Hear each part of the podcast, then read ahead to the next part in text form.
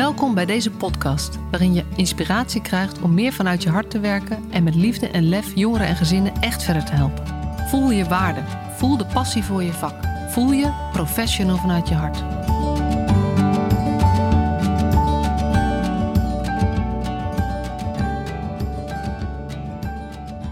Wat leuk dat je weer luistert naar deze nieuwe aflevering van de Professional vanuit je hart podcast. En vandaag eh, ben ik eh, via Zoom verbonden met Katelijne van Dongen. En zij zit, eh, denk ik, als ik zo de achtergrond zie, op haar werk. en dat klopt. is in Oegstgeest. Ja, bij, dat is bij Curium. Curium en UMC, dat is aan elkaar gekoppeld. Uh, Curium is een, um, een, ja, ik weet niet of je het eigenlijk instelling noemt. Maar vroeger wel heet het als instelling voor jeugd geestelijke gezondheidszorg. En ik ken dat nog vroeger, want ik heb in Leiden gewoond en ik heb in Leiden gestudeerd. Oh, en ik heb uh, gewerkt een tijdje op een locatie, niet van Curium, maar dat was wel vlakbij. Dus het, het, voor mij, het klinkt als bekend terrein, terwijl ik eigenlijk niet eens weet hoe het eruit ziet. Dus, uh, ja, leuk hè? Ja, dat is uh, leuk. Ja, het is echt leuk. Um, en Katelijne is uh, systeemtherapeut. Um, werkt met verschillende groepen jongeren, ouders, mensen gewoon. Uh, en uh, ja, de reden dat ze ook uitgenodigd is in de podcast is dat zij um, uh, eigenlijk een, een, nieuwe manier van um, ja, behandelen vind ik altijd zo'n verkeerd woord, maar werken heeft ontwikkeld, samen met een team natuurlijk, over wat je, wat je kunt doen als jongeren heel veel suïcidale gedachten hebben en zichzelf beschadigen.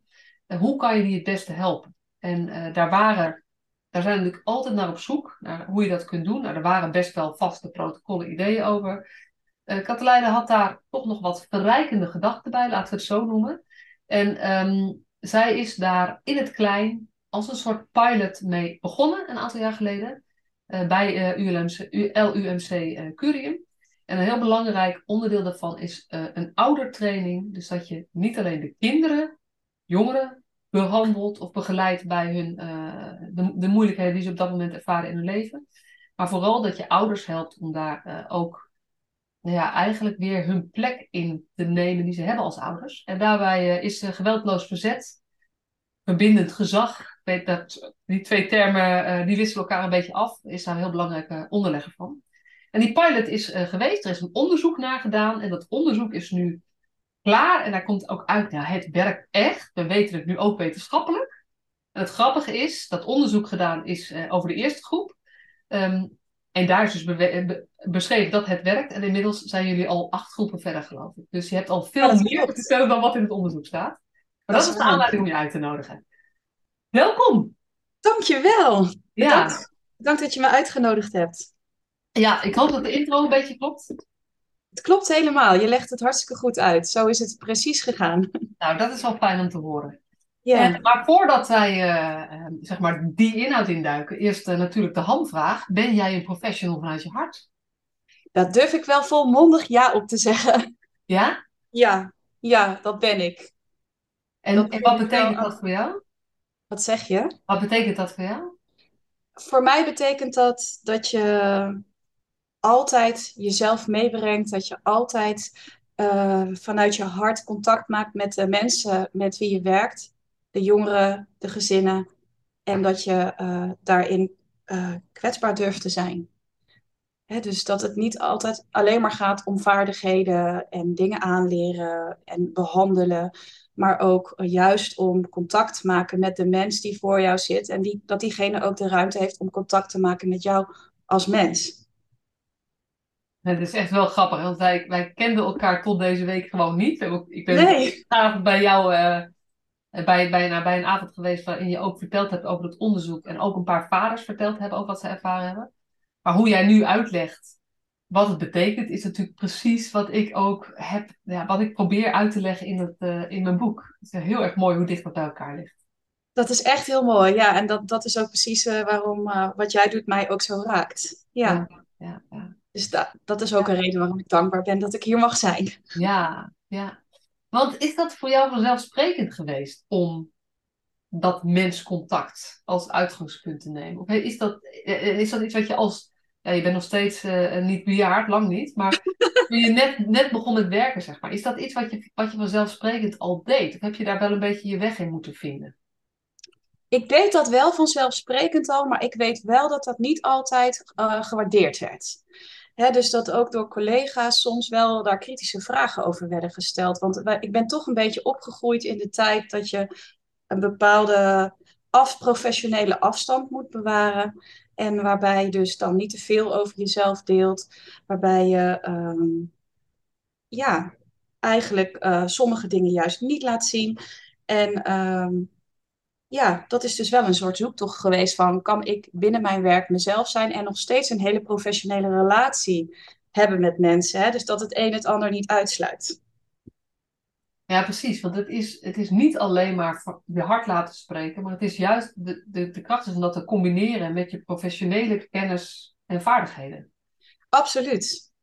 Ja, dus dat het allebei er is je bent natuurlijk een professional. Dus je neemt vaardigheden mee, je neemt kennis mee. Uh, ouders zien jou vaak ook wel als degene, hey, die gaat ons vertellen wat wij moeten doen. En uh, ik probeer dat dan meer om te omschrijven als, ja, ik heb een bepaalde kennis, maar jullie hebben ook heel veel kennis van jullie kind en alles wat jullie zelf al gedaan hebben. En we gaan elkaar versterken door dat samen te brengen en vanuit een menselijk contact. Ja, ja. En dat vind ik dan wel interessant dat je zegt van, uh, ja, daar heb ik ook wel eens kritiek op gekregen. Heeft dat je toen ook onzeker gemaakt?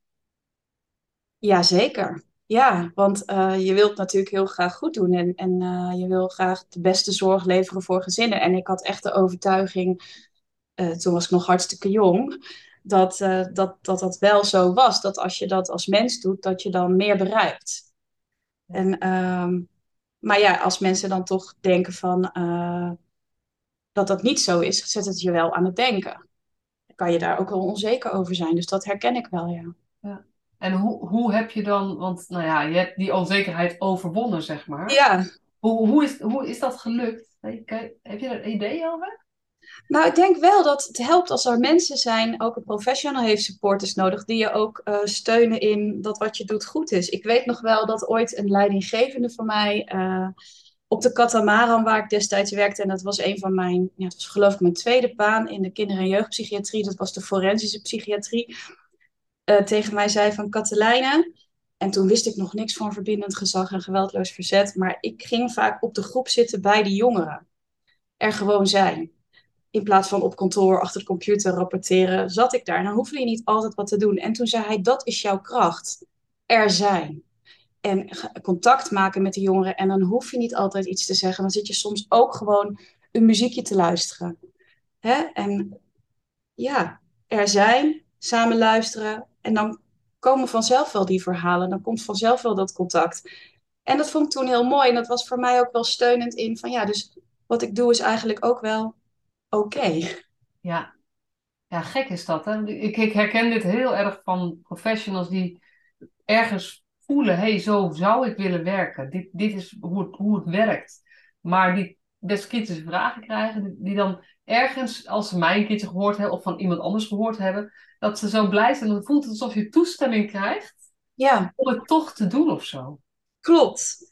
Ja, dus het is de cultuur binnen een instelling en hoe mensen met elkaar daarover denken. Dat kan heel erg steunend zijn, dat je de ruimte voelt om ja, te mogen zijn wie je bent. Ja. ja. Ja, en, en je zegt het ook heel sterk, ook professionals hebben support nodig. Ja. dat is echt, um, dat kan ik ook niet genoeg benadrukken. Als jij nou zo iemand bent die af en toe denkt van, goh, maar ben ik nou gek of zo, of whatever. Of, of denkt, ja, maar is het dan... Ga op zoek naar mensen die hier ook in geloven. En die zijn er een heleboel. Um, uh, ik denk, als je mijn podcast luistert, dat, uh, nou ja, bijna al mijn gasten, misschien wel al mijn gasten zou je daarbij kunnen trekken. Maar ook in je eigen omgeving. Dus, dus zoek die supporters. Want het risico als je ze niet zoekt, is dat je op een gegeven moment um, nou ja, losraakt van waar je in gelooft. En Absoluut. Dat, um, nou ja, dat gun ik niemand. Dat gun ik, zeg maar, jou niet, maar dat gun ik ook niet de mensen die je helpt. Nee, precies. Dus daarom zeg ik het ook, omdat ik denk van uh, uh, zoek die support. Doe dat ook als professional. Heb je mensen nodig die naast je staan en in jou geloven en trots zijn op wat je doet. Ja. En uh, ja, dat mag ik nu gelukkig heel erg ervaren bij de instelling waar ik werk. Dat, dat, dat mensen in mij geloven en mij ook de ruimte geven om zelf dingen te ontwikkelen en uh, mijn creativiteit uh, kwijt te kunnen. En dat moedigt je dus aan om door te gaan. Ja, ja. En uh, dan natuurlijk heb je ook, je moet zelf een drive hebben, anders kom je er niet. Maar ieder mens heeft support nodig. Dus ik ook. Ja, ja mooi. Ja, en nu weet ik dat er, um, ik heb nou een professional vanuit je hart community. En de mensen die er lid van zijn, die zeggen heel vaak tegen mij: Masja, daar moet je, daar moet je meer over zeggen, want het is tof. Dus ja. ik wil even zeggen: die bestaat, lieve luisteraars. Er is een professional vanuit je hart community, eigenlijk precies vanuit deze gedachte. Je hebt support nodig van mensen die het, er hetzelfde in staan als jij. En die kunnen zeggen: uh, je bent met de goede dingen bezig. En die je kunnen steunen als het lastig is. En waarbij je samen kan zeggen, en wij gaan, wij gaan aan de wereld laten horen dat dit is wat werkt. Dus mocht je geïnteresseerd zijn, kan je op mijn website daar meer informatie over vinden. Dus deze eventjes, um, lieve mensen van mijn community die het honderd keer tegen mij gezegd hebben. Ik heb het gedaan, reclame. Heeft het gedaan. en ik ben lid geworden net. ja, hey, nou, is superleuk. Echt heel erg tof. Ja. Um, eventjes naar dat mooie innovatieve project. Jij, uh, kan je daar, als ik het even heel kort, breed samenvat. Het gaat over jongeren die ernstige suïcidale gedachten, maar ook acties hebben. Die, uh, veel zelfbeschadiging komt daar ook voor, zeg maar. Uh, en die gaan naar een dagbehandeling bij, uh, bij Curium. En dat was al zo. Ja. Ik goed begrijp. Ja, is Jij bent, zeg maar, en dat, weet je, dat was op zich was dat een goede manier van werken. Maar jij zag dat en jij dacht, ja, hier mist iets. Hier moeten we iets aan gaan toevoegen. En toen ben jij met het um, nou ja, best wel bijzondere idee gekomen om een oudergroep te gaan formeren die tegelijkertijd loopt met de dagbehandeling voor jongeren. En ja, dat, vertel. Wat, uh, ja. wat, waarom?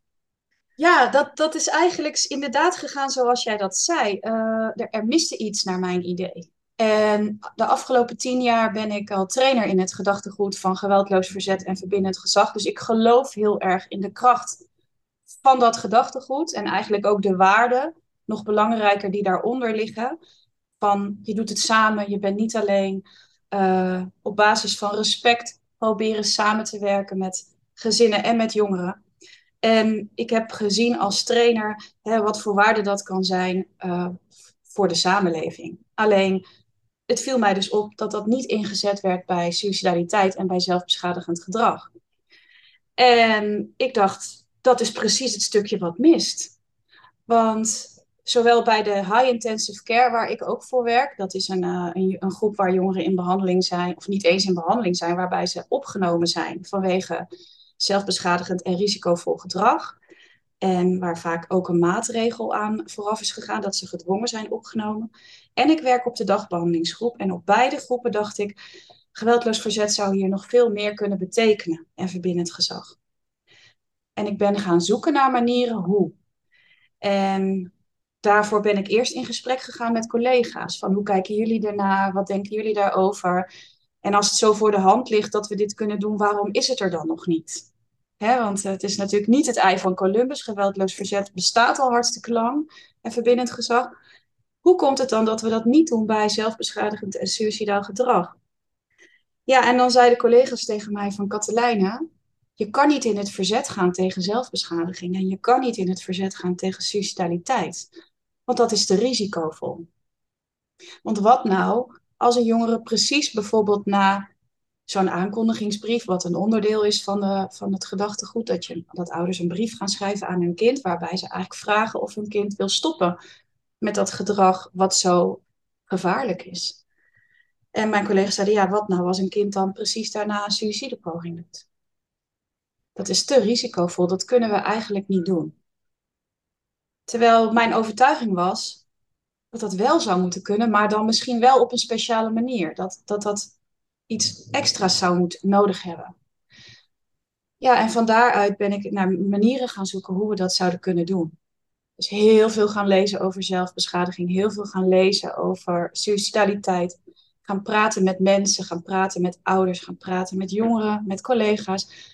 En al die kennis heb ik geprobeerd te gebruiken om daar in de training ook wat meer geschikt te maken voor dit speciale onderwerp.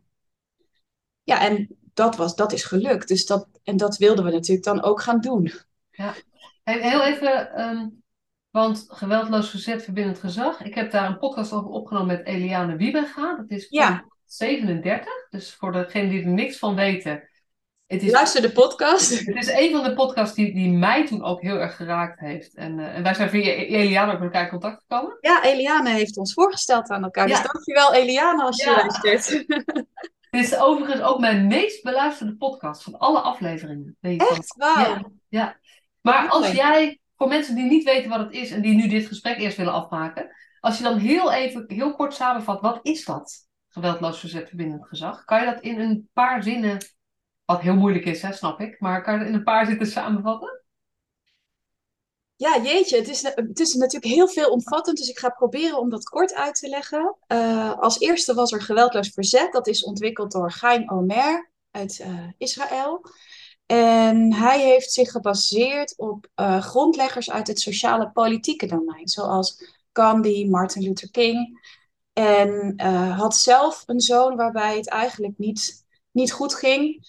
En hij dacht, ik ben eh, een professional die werkt met kinderen en met jongeren. Ik weet alles van de psychologie en de pedagogiek, maar ik weet niet hoe ik dit thuis kan doen met mijn eigen kind. Ik voel me geterroriseerd door mijn eigen kind en ik weet niet wat ik moet doen. En hij is eigenlijk gaan nadenken over wat helpt er nou tegen terreur? Wat helpt er nou als je je zo machteloos voelt dat je echt niet meer weet wat je kan doen? En daar heeft hij dus een aantal pijlers gedestilleerd, eigenlijk uit het sociale politieke domein, die eh, eh, bestaan uit je aanwezigheid, je ouderlijke aanwezigheid, de-escalatie, relatieherstel, verzet en ehm, nou vergeet ik er één. Maar daar kom ik zo wel op. Maar dan mogen, weet je, dan mogen ze die details mag je in aflevering 37 horen. Ja, Maar dus, dus, dus dat, is, dat is geweldloos verzet. En Ja. verbindend gezag. ja, verbindend gezag is eigenlijk eh, nog breder, want daar is het hele hechtingsperspectief ook meegenomen dat relaties eh, en veiligheid eh super belangrijk zijn en dat het dan heel erg belangrijk is dat je vanuit connectie stelling gaat nemen tegen onacceptabel gedrag. Dus het eerst werken aan het herstel van de relatie en het vinden van die connectie vanuit het hart. Dus aansluiten bij de ander vanuit je hart en vanuit respect, dat dat eigenlijk vooraf gaat aan de stap dat je ook daadwerkelijk iets gaat doen als er daadwerkelijk gevaar is. Ja. Die, die twee dingen, Ja. ja, die zijn allebei belangrijk. Ja, en ehm, weet je, ik zit helemaal niet zo goed in dit gedachtegoed, behalve dat ik volgens mij intuïtief een aantal van deze dingen doe. Ik Ja, heb nooit, zeg maar, theoretische. Maar wat, wat, wat bij mij in ieder geval is, en ook dat is de vergelijking met, met Gandhi en Martin Luther King, wat ook niet voor niks twee van mijn grootste inspiratiebronnen zijn, is dat zij niet ehm, actief zich, zeg maar, ehm, eh, zeg maar gaan, terug gaan terroriseren, bij wijze van spreken, of proberen de macht te grijpen. Maar dat zij steeds stelling nemen over iets en daarbij blijven. Punt. ja, dus de kracht van het volhouden. En Ja. ook het vinden van support, want dat is gelijk de pijler waar ik net naar op zoek was. Eh, dus doe het niet alleen, maar doe dat dus samen. Want als je in je eentje blijft, ben je kwetsbaar en dan zul je misschien ook eerder opgeven. Dus het vinden van mensen om je heen die jou steunen in je missie, geeft jou kracht, waardoor het ook lukt om zelf niet de agressor te worden. Ja. Je doet het samen. kunnen we breed zien, want dat is ook beheersmatig. Dat is ook straffen gaan geven. Dat is ook, ehm, nou ja, eh, eh, als je het hebt over suicidaliteit en zelfbeschadigend gedrag, gaat het ook over dat jij ingrijpt om alles te verstoppen waarmee mensen zich zouden kunnen beschadigen. Wat een, Klopt. wat een actief iets is. Eh, en dit gaat veel meer over eh, niet overnemen, niet ingrijpen. En toch heel erg duidelijk zijn dat, dit, dat je dit niet meer wilt. Dat dit niet meer kan. En dat je de ander vraagt om daarmee te stoppen. Ja, en daarbij ook vertelt dat jij je gaat verzetten. Ja. Dus dat je daarin niet zegt, jij moet stoppen, maar wij gaan ons verzetten. Ehm, zodat de ander altijd nog zijn autonomie behoudt. Ja. Ja, Want je kan de ander niet dwingen. Het is dus ook de overtuiging van je hebt geen controle over de ander, maar je hebt wel invloed op jezelf. En die invloed op jezelf door zelf kalm te blijven en duidelijk te zijn en stelling te nemen, zorgt er automatisch heel vaak voor dat de ander ook wat anders gaat doen. Ja. En daarmee heb je dus wel invloed. Ja, ja. het is zo grappig. Hè? En dat is heel erg over het stuk waarin we elkaar vinden. Is dat eigenlijk je invloed op de ander groter wordt als je meer bezig gaat houden met jezelf en je eigen gedrag. Dus je moet ergens de ander loslaten om je invloed te vergroten.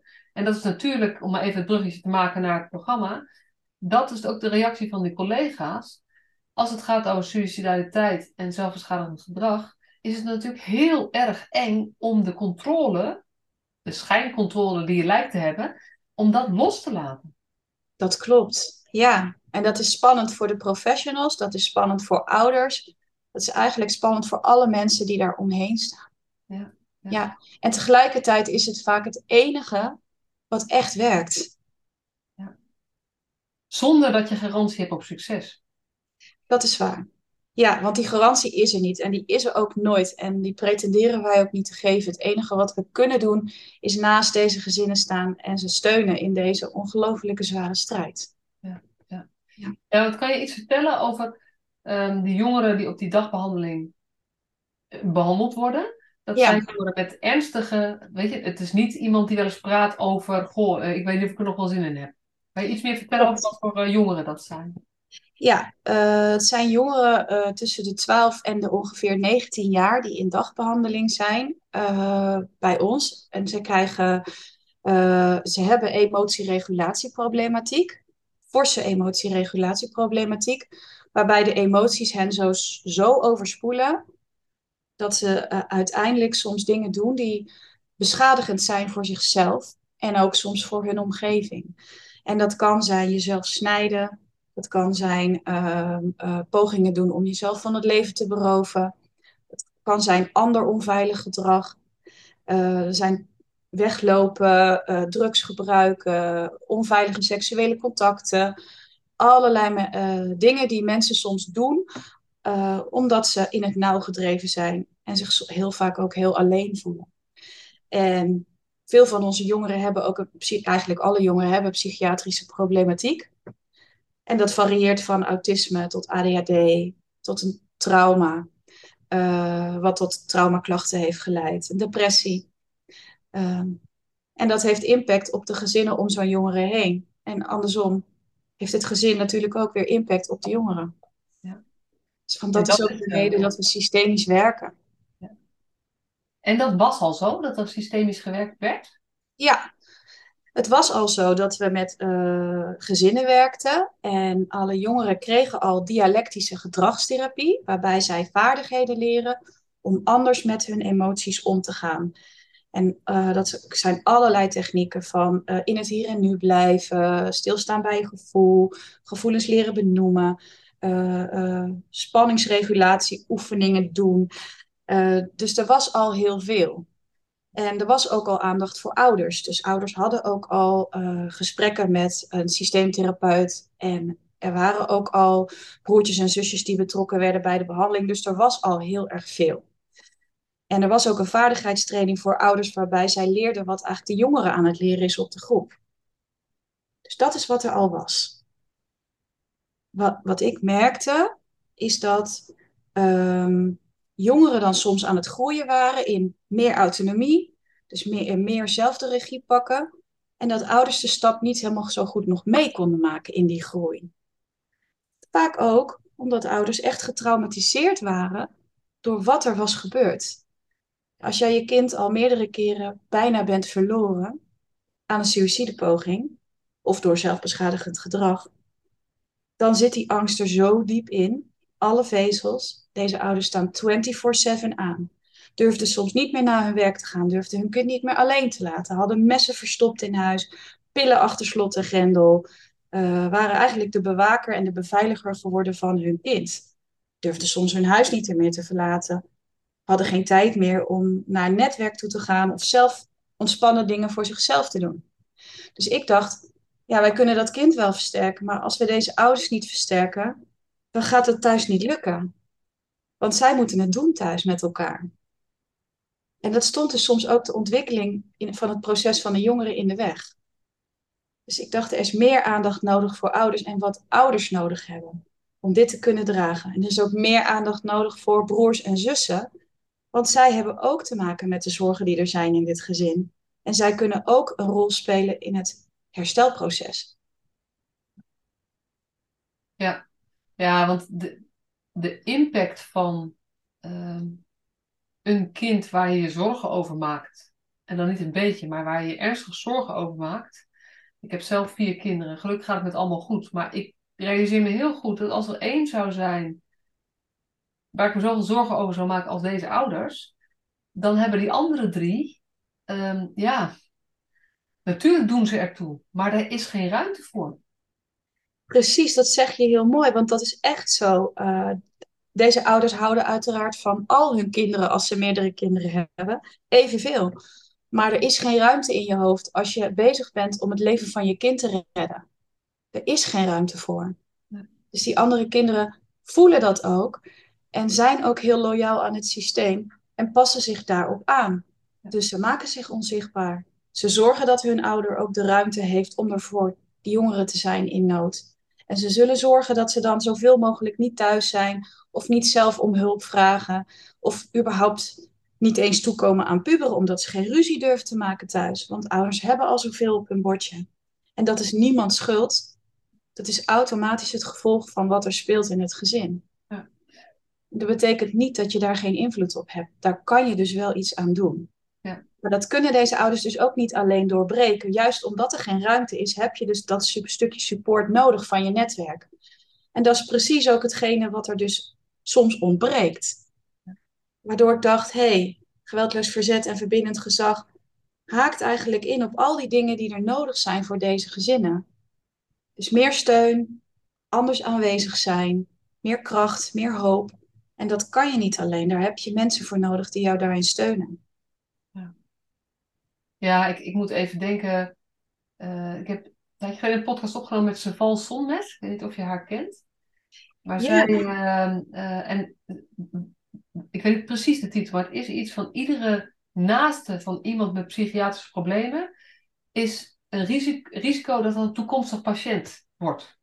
Ja. En dit is eigenlijk wat jij beschrijft. Ja, als we die broertjes en zusjes niet ook meer plek geven, als we dat gewoon, als we ons concentreren op de jongeren met wie het nu het slechtst gaat, dan, hebben we heel, ja, dan is er gewoon een, een reëel risico dat als het met die jongeren beter gaat, het met een van de anderen of meer gezinsleden op dat moment ineens heel slecht gaat. Omdat we het niet met systemisch goed hebben aangepakt of aangevlogen. Precies dat. En, en dat, dat gebeurde dus ook. Dus ik zag ook dat zodra het dan met de jongeren een beetje beter ging, dat er dan een broer of zus klachten kreeg. En niet meer kon slapen, niet meer naar school durfde, uh, angstklachten kreeg. Of dat ouders ineens instortten, omdat er ruimte was om weer iets te voelen. Ja. Ja, dus mijn, met mijn dochter gaat het een beetje beter. Dus nu mag ik even instorten. Ja, ja. En dat, dat gaat heus niet zo bewust, maar dat gebeurt dus. Ja. En ze wachten op de tijd dat het kan. Ja. Daarvoor is er gewoon geen ruimte. Nee. Nou ja, en, en je wacht er niet eens bewust op. Nee. Je zit eigenlijk continu in die FFF, in die fight, fight, flight. Dus je bent alleen maar in de, in de arousal, zeg maar. Of juist, nou, meestal in en dan, dan voel je ook niks anders. En dan is er niks anders. En dan is dit het enige wat, je, wat het toe doet. Dus ik kan ook heel goed begrijpen dat ehm, ook in die periode alle steunende contacten die er eventueel zouden kunnen zijn rondom zo'n gezin, dat is er niet meer, omdat ook het enige wat er voor deze ouders is, is hun kind. Dus investeren in steunend netwerk, hoezo? Ja, ja, dat, dat is zo. Er is soms ook echt geen ruimte meer voor. En ouders zien ook niet meer de mogelijkheden die er misschien toch zijn. Omdat dat, dat, zelfs dat denken daarover, dat lukt niet meer. Überhaupt denken lukt soms niet meer. Slapen lukt soms niet weer. Werken lukt niet meer. Dus ja, het is ondenkbaar om het kind te kunnen helpen als je niet iets doet voor en met deze ouders. Ja. Nou, dat is best, weet je, dat klinkt, zeg maar, dat klinkt, ja, dat is eigenlijk wel logisch. Maar dit is baanbrekend eigenlijk. Hè? Dit is iets wat, je, wat we met z'n allen niet gewend zijn. En uh, binnen de jeugdzorg niet, maar binnen de jeugd GGZ al helemaal ook niet, zeg maar. Want daar is het toch, nou ja, het kind is de geïdentificeerde patiënt en daar gaat de aandacht naartoe. En wat heb je toen gedaan met dit, uh, toen je dit realiseerde? We zijn eigenlijk begonnen met een kleine pilot. Dus uh, het was in coronatijd, dus het mocht ook niet een grotere groep zijn. En we dachten, we kunnen dit niet uh, um, zonder live contact doen. Want er was nog sprake van, kunnen we een online training aanbieden? Toen dacht ik, nee, dat kan niet. Dit gaat zo over van hart tot hart met elkaar praten over je allerdiepste angsten en gevoelens. Dat kan niet online. Dus we hebben gekozen om een klein groepje te starten met gezinnen uh, bij wie we dit zijn gaan doen. Dus de oudertraining aanbieden aan ouders met kinderen die suicidaal zijn.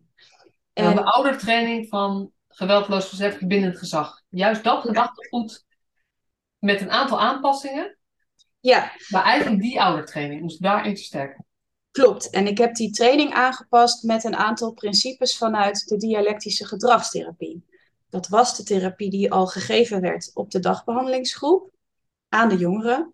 Maar heel veel elementen daarvan zijn ook heel bruikbaar en zinnig om te delen met ouders. En komen heel erg overeen met de basisconstructen eigenlijk van geweldloos verzet en verbindend gezag. Namelijk acceptatie en verandering. Dus verbinding en verzet.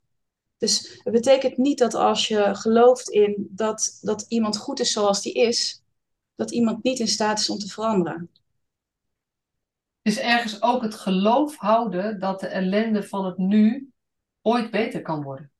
Absoluut. En dat nooit loslaten. Ook al kan je het niet meer zien, er toch in geloven. Ja, dat zeg je echt heel mooi. Dat stukje hoop, dat zijn die gezinnen vaak kwijt. En dat is de jongeren ook kwijt. Dus dat is een parallelproces. De jongeren is de hoop kwijt dat het ooit beter zal worden. Ouders verliezen na lange tijd, als het al een hele tijd zo gaat, ook de hoop. En heel soms de professionals ook. En, en dan raak je met elkaar in een soort impasse van, zal dit altijd zo blijven? En dat noem je dan entrapment, van we zitten eigenlijk in een val dat we niet meer kunnen denken aan dat er een eind komt aan deze tunnel, dat er ergens nog licht is. En ik denk dat onze taak als professionals is dat wij dat kleine sprankje licht kunnen zijn. Als wij geloven dat het kan, en als wij dat kunnen meegeven aan de gezinnen, dan kan een ouder weer hoop krijgen. En als een ouder weer hoop krijgt en weer wat moed krijgt, krijgt een kind weer wat hoop. Ja. En zeker als daar dan een netwerk omheen staat om het samen mee te doen. En dat is eigenlijk de gedachte vanuit waar wij gestart zijn. Laten we proberen om dat te bieden in eerste instantie door ouders al in een groep te zetten met ouders die in dezelfde situatie zitten. Want dat is ja. direct het effect. Ik ben dus niet alleen. Absoluut. Ja. ja. want we hadden al eerder wel eens groepen die dan op de poli werden aangeboden, op onze polykliniek, vanuit geweldloos verzet. En daar, die trainingen gaf ik ook. Maar dan had je allerlei verschillende problemen en uh, mensen met verschillende achtergronden in één groep. En dan was er ook wel eens een gezin wat te maken had met suicidaliteit. Maar wat ik dan merkte in zo'n groep, dat zij niet met hun verhaal kwamen. Omdat, denk ik, voor hen te spannend was om dat te delen met andere ouders die niet in dezelfde situatie zitten. Want je denkt toch, dit is te heftig, dit zullen mensen niet begrijpen. Of misschien oordelen ze wel over ons. En dat voelde niet als een veilige plek voor hen om met hun verhaal te komen. Dus ons idee was, laten we nou juist mensen bij elkaar zetten die dat wel zelf ook kunnen begrijpen, omdat ze hetzelfde meemaken. Ja. En dat heeft ook echt heel, dat is denk ik wel een van de krachten van deze groep. Dat hoor ik dan van ouders terug, dat ze zeggen, ja, die groep is voor ons echt steunend geweest. Want er zaten ouders in die zeiden, ja, dat herken ik. En dat hoefden we niet eens aan elkaar uit te leggen. Er was meteen al een soort gezamenlijkheid door het feit dat we hier allemaal zaten met een kind en wat suicidaal is. Ja, ja en ook dat je. Ja, het, het is iets waar je je een beetje voor schaamt, denk ik, als ouder. Dat het zo slecht gaat met je kind. Ben ik dan wel een goede ouder? Dat is meteen wat je je gaat afvragen, volgens mij. Kan je niks aan doen. Het klopt, ja. En ik denk ook dat je je wil ook niet dat mensen zich zoveel zorgen weer gaan maken om jou, dat je eigenlijk de reactie van de omgeving er nog bij krijgt. Uh, want dat kan je helemaal niet aan. Dus je wil het misschien wel delen, maar je kan niet de reactie van de omgeving erbij krijgen, want dat, dat is weer emotionele belasting. Dus, dus met wie kan je dat nou delen? En ik kan me heel goed voorstellen dat die ontmoeting met mensen die eigenlijk snappen hoe je je voelt, ook al is wat er gebeurt misschien anders, dat is zo verbindend, bevrijdend, normaliserend ergens. Ja. Ehm, waardoor je ook weer kunt gaan denken: oké, maar als ik dus niet de enige ben. En er is iemand in deze ruimte die denkt dat het nog goed kan komen. Laten we dan eens gaan kijken wat we eventueel nog zouden kunnen gaan proberen, ook al hebben we alles al geprobeerd. Absoluut. Je zegt het echt precies helemaal zoals het is. Ja. ja, laatst zei een vader tegen mij, of niet eens tegen mij, maar in de oudergroep tegen de andere ouders. En dat was pas de eerste sessie die we hadden gehad. Dus hij kwam bij de tweede sessie terug en hij zei: Ik wil iedereen hier bedanken in de groep. Want ik voelde me nadat ik de groep uitging een stuk lichter. En jullie hebben niet eens iets gezegd, maar ik zag allemaal knikkende hoofden. De bevestiging geven van: hé, hey, het is dus niet gek dat ik me zo voel. Het is niet gek dat dit, deze emoties er zijn. En dat er dan allemaal mensen zitten die meeknikken, was voor hem zo verlichtend dat hij echt teruggaf aan de groep: dank jullie wel. En ik dacht, ja, dat is dus de kracht van de groep. Want die mensen, Ja. omdat ze weten hoe het is. Gedeelde smart is halve smart. We weten het, maar we gebruiken het. Nou, en wat er gebeurt is als, als zo'n zo'n vader of zo'n ouder zich daardoor rustiger voelt, dan kan hij weer meer gaan denken over wat je zou kunnen doen. Dat eerst rustiger kunnen voelen, dat is natuurlijk, ja, dat is wat we weten van trauma, dat is wat we weten van hechten, dat is wat we weten van überhaupt eh, dit soort reacties. En hoe krijg je dat voor elkaar? Dus, dus dit is stap 1, zeg maar, eh, daarin. Absoluut. En, en je ziet dus ook het zelfvertrouwen van mensen groeien tijdens het proces van die training. Omdat ze dus steeds meer denken, oh, dus ik ben geen slechte ouder. Oh, er zijn dus meer ouders die dit overkomen is. Oh, en er is dus niet één oorzaak, maar suicidaliteit is zo complex. Er zijn zoveel oorzaken. Het is niet mijn schuld. En vanuit daar kunnen zij ook weer een anker zijn voor hun kind. Want ook de jongeren worstelt heel erg met gevoelens van schuld en schaamte.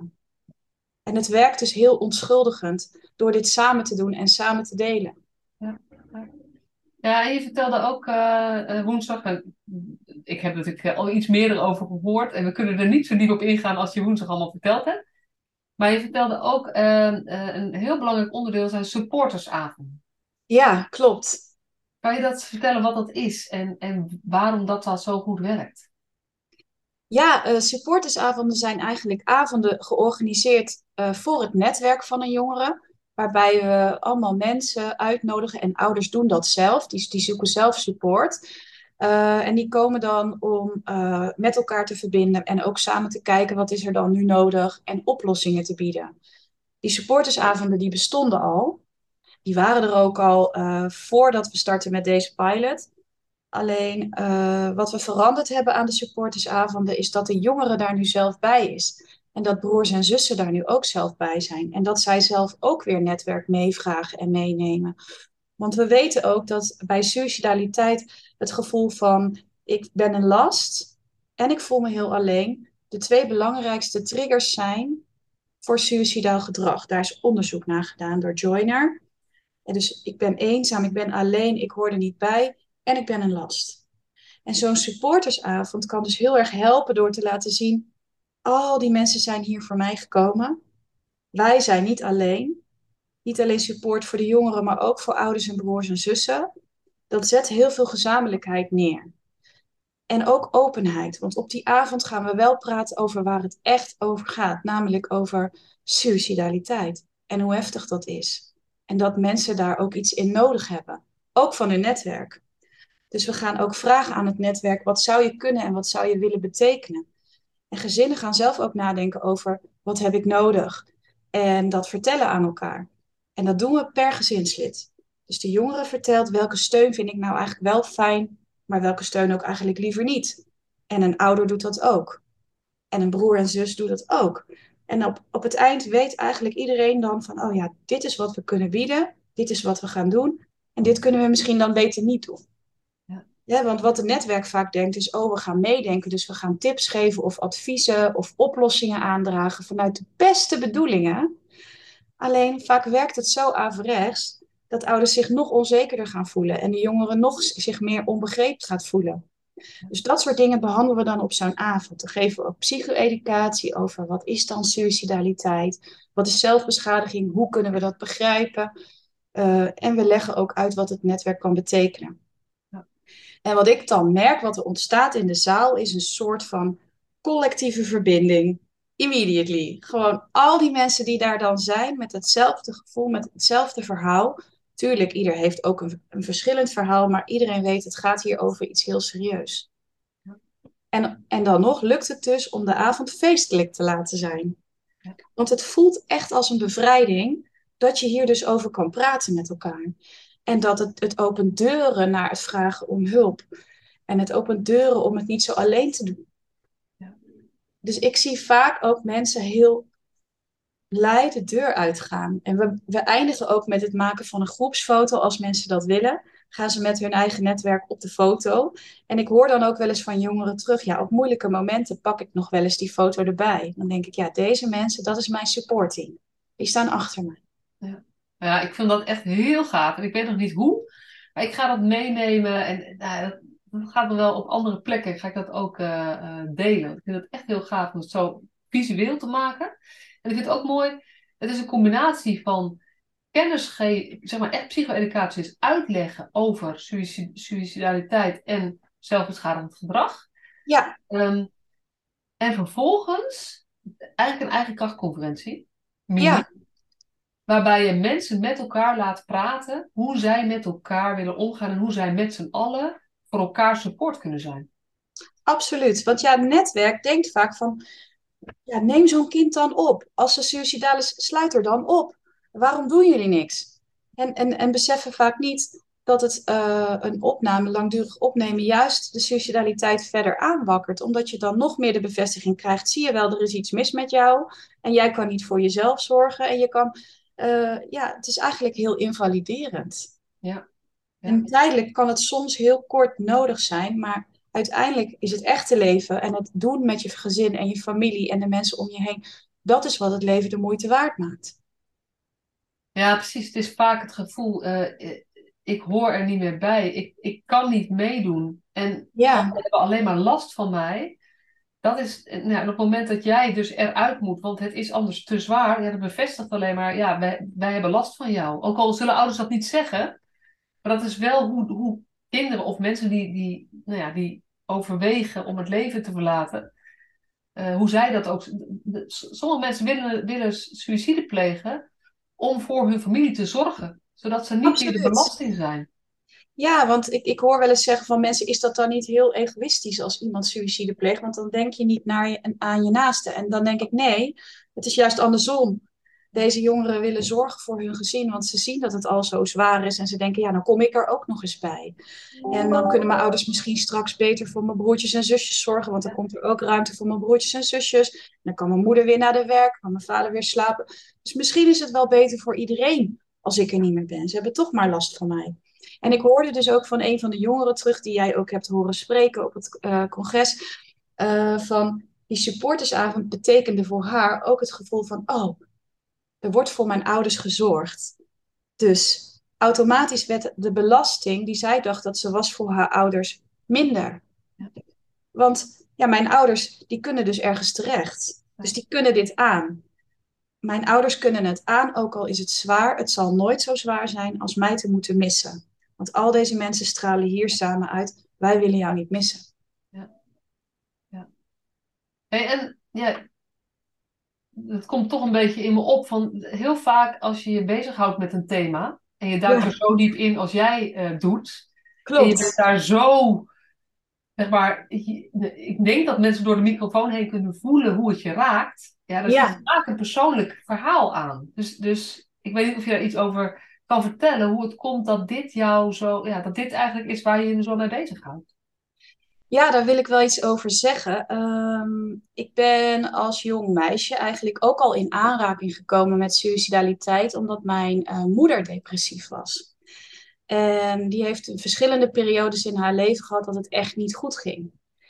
En ook toen al um, was ik zo gefascineerd door van, hoe kan dat nou? Hoe kan je nou zo alleen voelen dat het leven voor jou te zwaar is, dat je het niet meer de moeite waard vindt? En uh, als kind dacht ik wel eens bij mezelf, kan ik me nog herinneren van, is het zorgen voor mij dan misschien te zwaar? Of uh, uh, ja, je betrekt het toch op jezelf als je ziet dat het niet goed gaat met iemand en je wil zo graag iets betekenen en dat lukt niet. En daarin hebben wij, denk ik, mijn zus en ik, ook wel iets gemist van hulp en steun toen. Uh, er werd toen niet systemisch gewerkt. Dus mijn moeder kreeg hulp en zij ging op gesprekken en zij kreeg behandeling. En ze is ook verschillende keren opgenomen geweest. Ik heb ook een tijdje bij mijn oma gewoond en bij mijn opa, omdat mijn moeder opgenomen was. Maar voor ons was er eigenlijk geen hulp. Wat wel heel mooi is aan die periode, is dat we wel steun kregen van netwerk. Dus uh, buren uh, kwamen ons helpen. Die zorgden dat we naar het ziekenhuis konden. Mijn vader had geen rijbewijs. Dus wij werden gehaald en gebracht op bezoek naar het ziekenhuis. Um, maar ik denk wel dat dat misschien wel de, een van de redenen is waarom ik heel graag iets wil betekenen voor gezinnen. En systemisch wil werken. En waarom suicidaliteit dan ook speciaal iets is uh, waarin ik iets zou willen doen. Omdat ik weet dat het niemand schuld is, maar het overkomt je wel als gezin. dus, uh, en dan is er ook iets nodig voor het hele gezin. En ik denk dat dat ook wel zo mooi is aan. Ik heb samengewerkt in dit onderzoek met mijn zus. En mijn scriptie heet Samen Helen. Maar voor ons was dat ook samen helen. Ja. ja. Het was samen helen door onze geschiedenis, die echt heel zwaar is geweest. Nou, krijg ik toch een. Ja. En dit is ook, dit is zo'n gevoelig thema.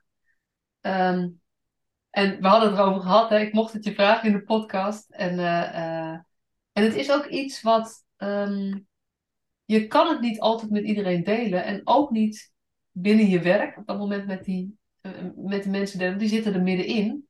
En voor jou is het. Nou ja, weet je, je vertelde je moeder leeft ook nog. Dus het is, ja, heel dankbaar, ze leeft. Precies. Dus het is gedeeltelijk geschiedenis. En gedeeltelijk dus ook niet.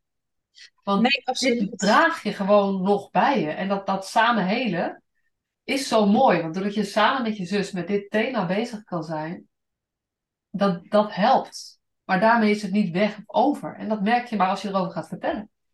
Dat is zo. Ja, ik, ik, ik ben echt van overtuigd dat trauma relationeel is. Trauma zit niet in de mensen zelf, maar trauma is iets uh, dat doe je samen. Dus als, als, als je het heel moeilijk hebt en er is iemand voor je die naast je staat en waarmee je dat samen kan dragen, dan wordt het lichter. Als je je verhaal kan vertellen, als je daar mensen mee kan helpen, dan wordt het lichter. En ik denk dus, dat, dat gaf ook een van de vaders terug, die dus nu meehelpt als ervaringsdeskundige in de training. Van iedere keer weer als ik dit verhaal vertel, voel ik me daarna een stukje lichter. Het is ook verwerking. En als je daar iets positiefs van kan maken, van eigenlijk een negatieve ervaring, dan is dat helend. En dat kan je dus door het samen te doen bereiken.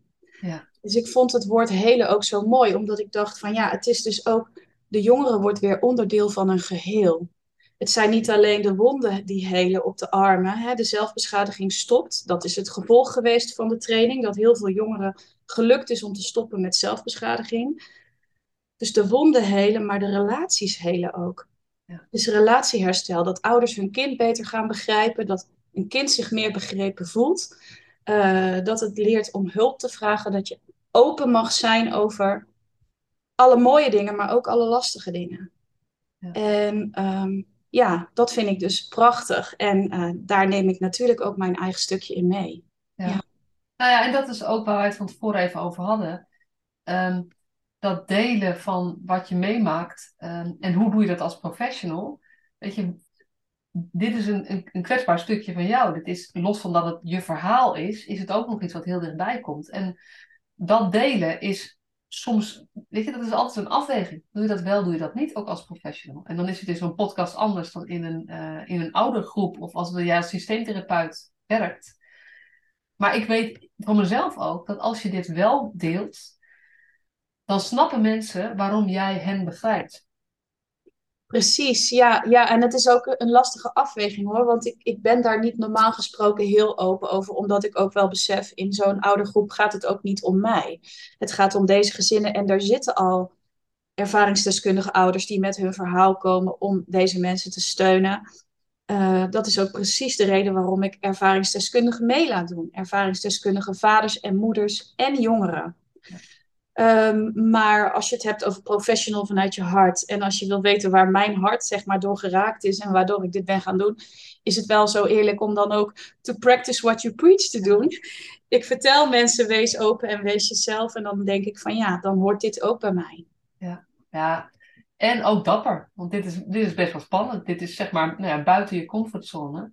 Ja, ik denk dat veel van mijn collega's dit niet eens weten. Nee, nee. Ja. Nee.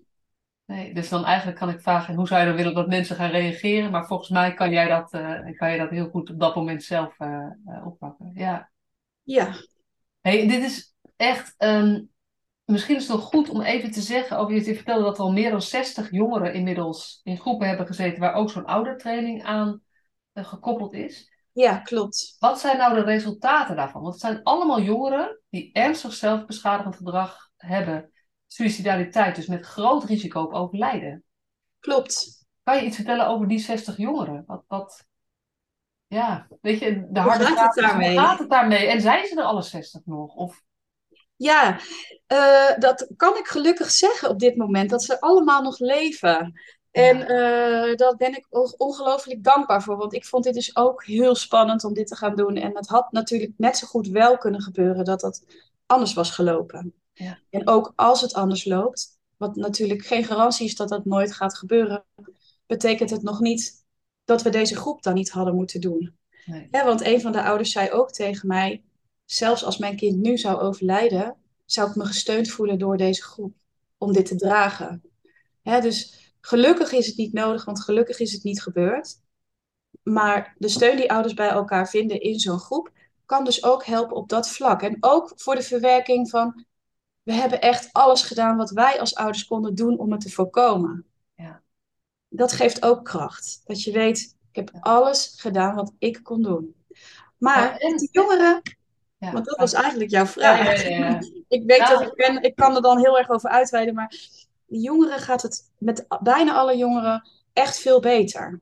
En uh, een, het grootste gedeelte van de jongeren ik heb ze niet exact geteld, hè, maar is gestopt met zelfbeschadiging en is ook niet meer suicidaal. En dat is echt prachtig. En er zijn een aantal jongeren die het nog steeds zwaar hebben en die toch zeggen, maar het gaat beter omdat ik het niet meer alleen hoef te dragen. Want ons belangrijkste doel was ook niet dat de zelfbeschadiging zou stoppen. Hè, dat was niet de reden van de training. De reden van de training was ouders versterken, waardoor zij het volhouden en waardoor ze zich minder machteloos gaan voelen en daardoor er beter kunnen zijn voor hun kind. Dus wij hoopten om relatieherstel en meer verbinding te kunnen creëren voor deze gezinnen en ook daarmee het herstelproces van de jongeren te bevorderen. En dat is gelukt. dus dat geven eigenlijk alle gezinnen terug. Wij voelen ons krachtiger, wij voelen ons minder machteloos, we hebben meer contact met ons kind. Ons kind wil meer dingen met ons doen. We begrijpen ons kind beter. En de jongeren zeggen ook: Mijn ouders begrijpen mij beter. Er zijn minder ruzies, ook minder, minder ruzies tussen broers en zussen.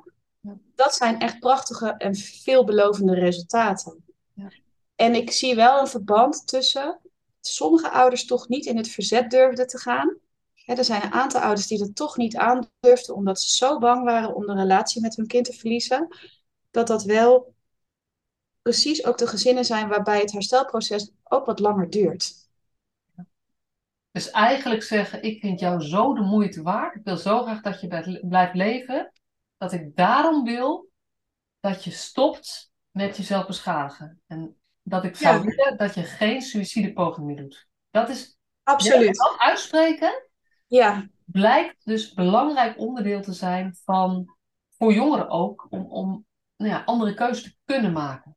Ja, want precies dat stukje haakt in op de trigger van suicidaliteit. Als je je een last voelt, als je denkt dat het voor anderen ook beter is dat jij er niet meer bent, als je je ouders misschien wel helpt of je gezin door er niet meer te zijn, dan is het dus ook heel erg bevrijdend om te zien dat al die mensen dat eigenlijk niet willen. Dat zij jou niet willen missen, dat, ze, dat jij waardevol bent, dat jij onderdeel bent van hun leven, dat je belangrijk voor ze bent, dat je erbij hoort. Ja. En, en, en, en een belangrijk onderdeel is ook dat ouders dan verantwoordelijkheid nemen voor het stukje waarin zij zelf misschien denken, dat hadden we graag anders willen doen. Ja. Dus eh, in de training schrijven ouders ook een brief aan hun kind. En dan vertellen ze ook van, het spijt me dat we niet eerder wisten dat je je zo alleen voelde. Of het spijt ons dat we niet eerder gezien hebben dat jij iets anders nodig had en dat we jou misschien niet konden helpen zoals je ons toen nodig had. Of het spijt ons dat we je niet konden beschermen tegen de gevaren waaraan je blootstond. He, sommige jongeren hebben misbruik meegemaakt of een ander ernstig trauma. Vaak wisten ouders dat niet. En het is ook verantwoordelijkheid nemen voor je ouderlijke positie van ik had dat voor je willen doen, ik had er voor je willen zijn en het spijt me dat ik dat niet altijd heb kunnen doen. En dat is ook weer een interventie waarbij je de jongeren onschuldigt. Van niet alles ligt op jouw bordje, we doen dit samen. Wij nemen allemaal ons eigen stukje voor dat dit heeft kunnen ontstaan. Dit is niet jouw schuld. Nee, en ik geloof dat het heel krachtig is. En dat is ook mooi, want een paar podcasts geleden heb ik opgenomen met Nienke Kool over zelfbeschadiging. En we hadden het ja. wel eventjes over, hè? Ja. En je zei al, ja, jullie liggen helemaal niet zo ver uit elkaar. Ook al zegt zij, zelfbeschadiging moet je ergens normaliseren en accepteren dat het erbij hoort. En dat dat blijkbaar goed werkt voor die persoon soms. Ja. Ja, ja, ja. En dat is precies, dit is het accepteren. En je kan tegelijkertijd zeggen, maar het kan veranderen. Ja, want je wil dat sprankje hoop bieden van het is een coping en het werkt. Want een jongere hè, voelt minder spanning als hij of zij zichzelf gesneden heeft of pillen heeft genomen. En het is een tijdelijke oplossing. Maar wat wij vaak met jongeren doen, hè, dat de sociotherapeuten op de groep, dan maken ze een analyse. En dan halen ze ook, uh, als er een incident is geweest met zelfbeschadiging, kijken ze naar wat waren de gevolgen op de korte termijn en op de langere termijn. Wat waren de gevolgen voor jezelf en wat waren de gevolgen voor je omgeving? En dan zie je heel vaak dat op de korte termijn het spanningsverlichtend werkt. En op de langere termijn juist spanningsverhogend. Want je komt erdoor in de problemen, mensen schrikken, je moet naar het ziekenhuis. Je ouders zijn in paniek, ze gaan nog meer bovenop je zitten, wat je eigenlijk helemaal niet wil. Dus zo'n jongere ziet wel, op de korte termijn helpt het me kortdurend. En op de langere termijn zit het eigenlijk een, een, een waardevol uh, leven best wel in de weg. Ja. En ook uh, verzorgt dus voor stress in het gezin. Ja. En uiteindelijk willen ze dat zelf ook niet. En als ze een betere oplossing hadden, zouden ze het ook doen. En op dat moment hebben ze die betere oplossing niet. Is het de enige oplossing die ze weten, dus dan doen ze het. Maar als je hele omgeving uitstraalt, wij willen jou niet missen en we weten dat je het zwaar hebt, maar we staan naast jou en we gaan samen andere manieren zoeken, ja. dan kun je dus wel in het verzet gaan. Ja. Dan niet zozeer van jij mag dat niet doen, want jij bent fout. Nee, we staan naast jou, we weten hoe zwaar je het hebt en er zijn andere manieren. Dus acceptatie en verandering. Ja. Ja. En dan helpt het natuurlijk heel erg als de jongere dan ook steun krijgt in hoe kan ik dan veranderen. En dat is natuurlijk wat we wel ook bieden. Precies. Het is niet alleen maar als je dit met, met jongeren die zulke heftige uh, uh, emotionele ingewikkeldheden hebben. Want laat, ik denk dat dat is het gewoon. Je weet, je weet gewoon niet wat je moet dealen met je emoties en je vragen en je, en je gedachten enzovoort. Dan is alleen maar sterkere ouders niet. De, e, dan, dat is niet meer genoeg. Maar dat, dat is wel de missing link in alles wat er tot nu toe gebeurde. Hey, um, ik zou nog een paar uur met je door kunnen praten.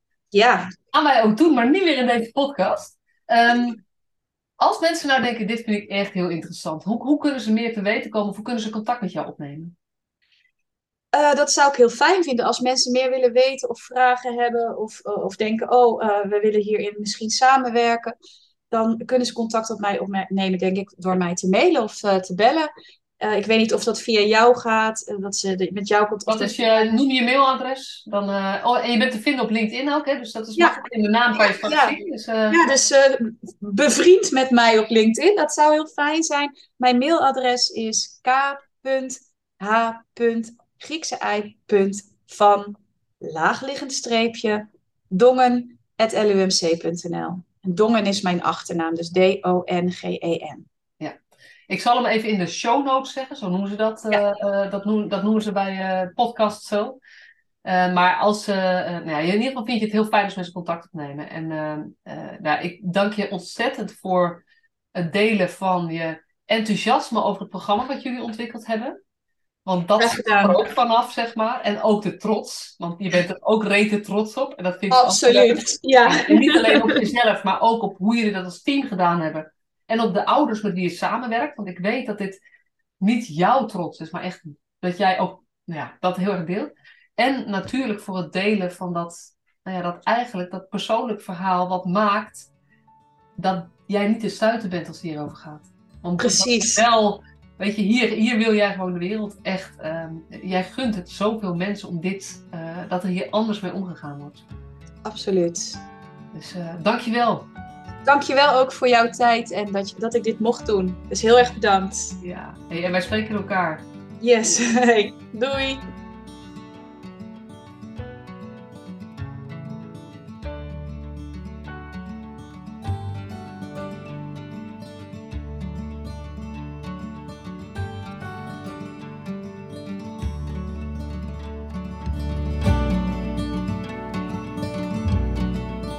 Superleuk dat je weer luisterde naar deze podcast. Dankjewel.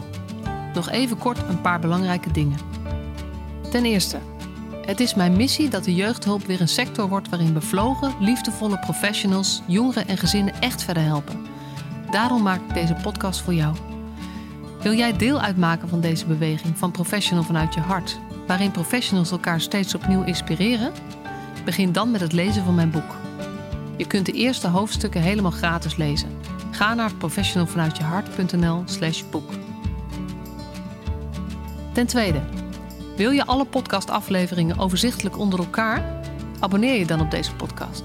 Klik in je podcast-app op de button subscribe of abonneren. En elke keer als er een nieuwe podcastaflevering gepubliceerd wordt, ontvang je automatisch een berichtje. Ten derde, ondersteun je mijn missie? Geef me dan een review via je podcast-app, bijvoorbeeld iTunes of Spotify. Op die manier kan ik nog meer professionals bereiken.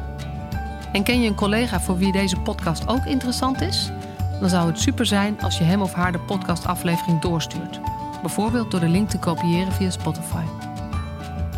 Ik vind het altijd heel leuk om berichtjes te ontvangen van luisteraars om te horen wat je van een podcast vindt, of als je misschien vragen of suggesties hebt. Of als een aflevering je een bepaald inzicht heeft gegeven of er iets in beweging is gekomen. Stuur me dan even een berichtje op masha.professionalvanuitjehart.nl via de website of stuur me een connectieverzoek op LinkedIn.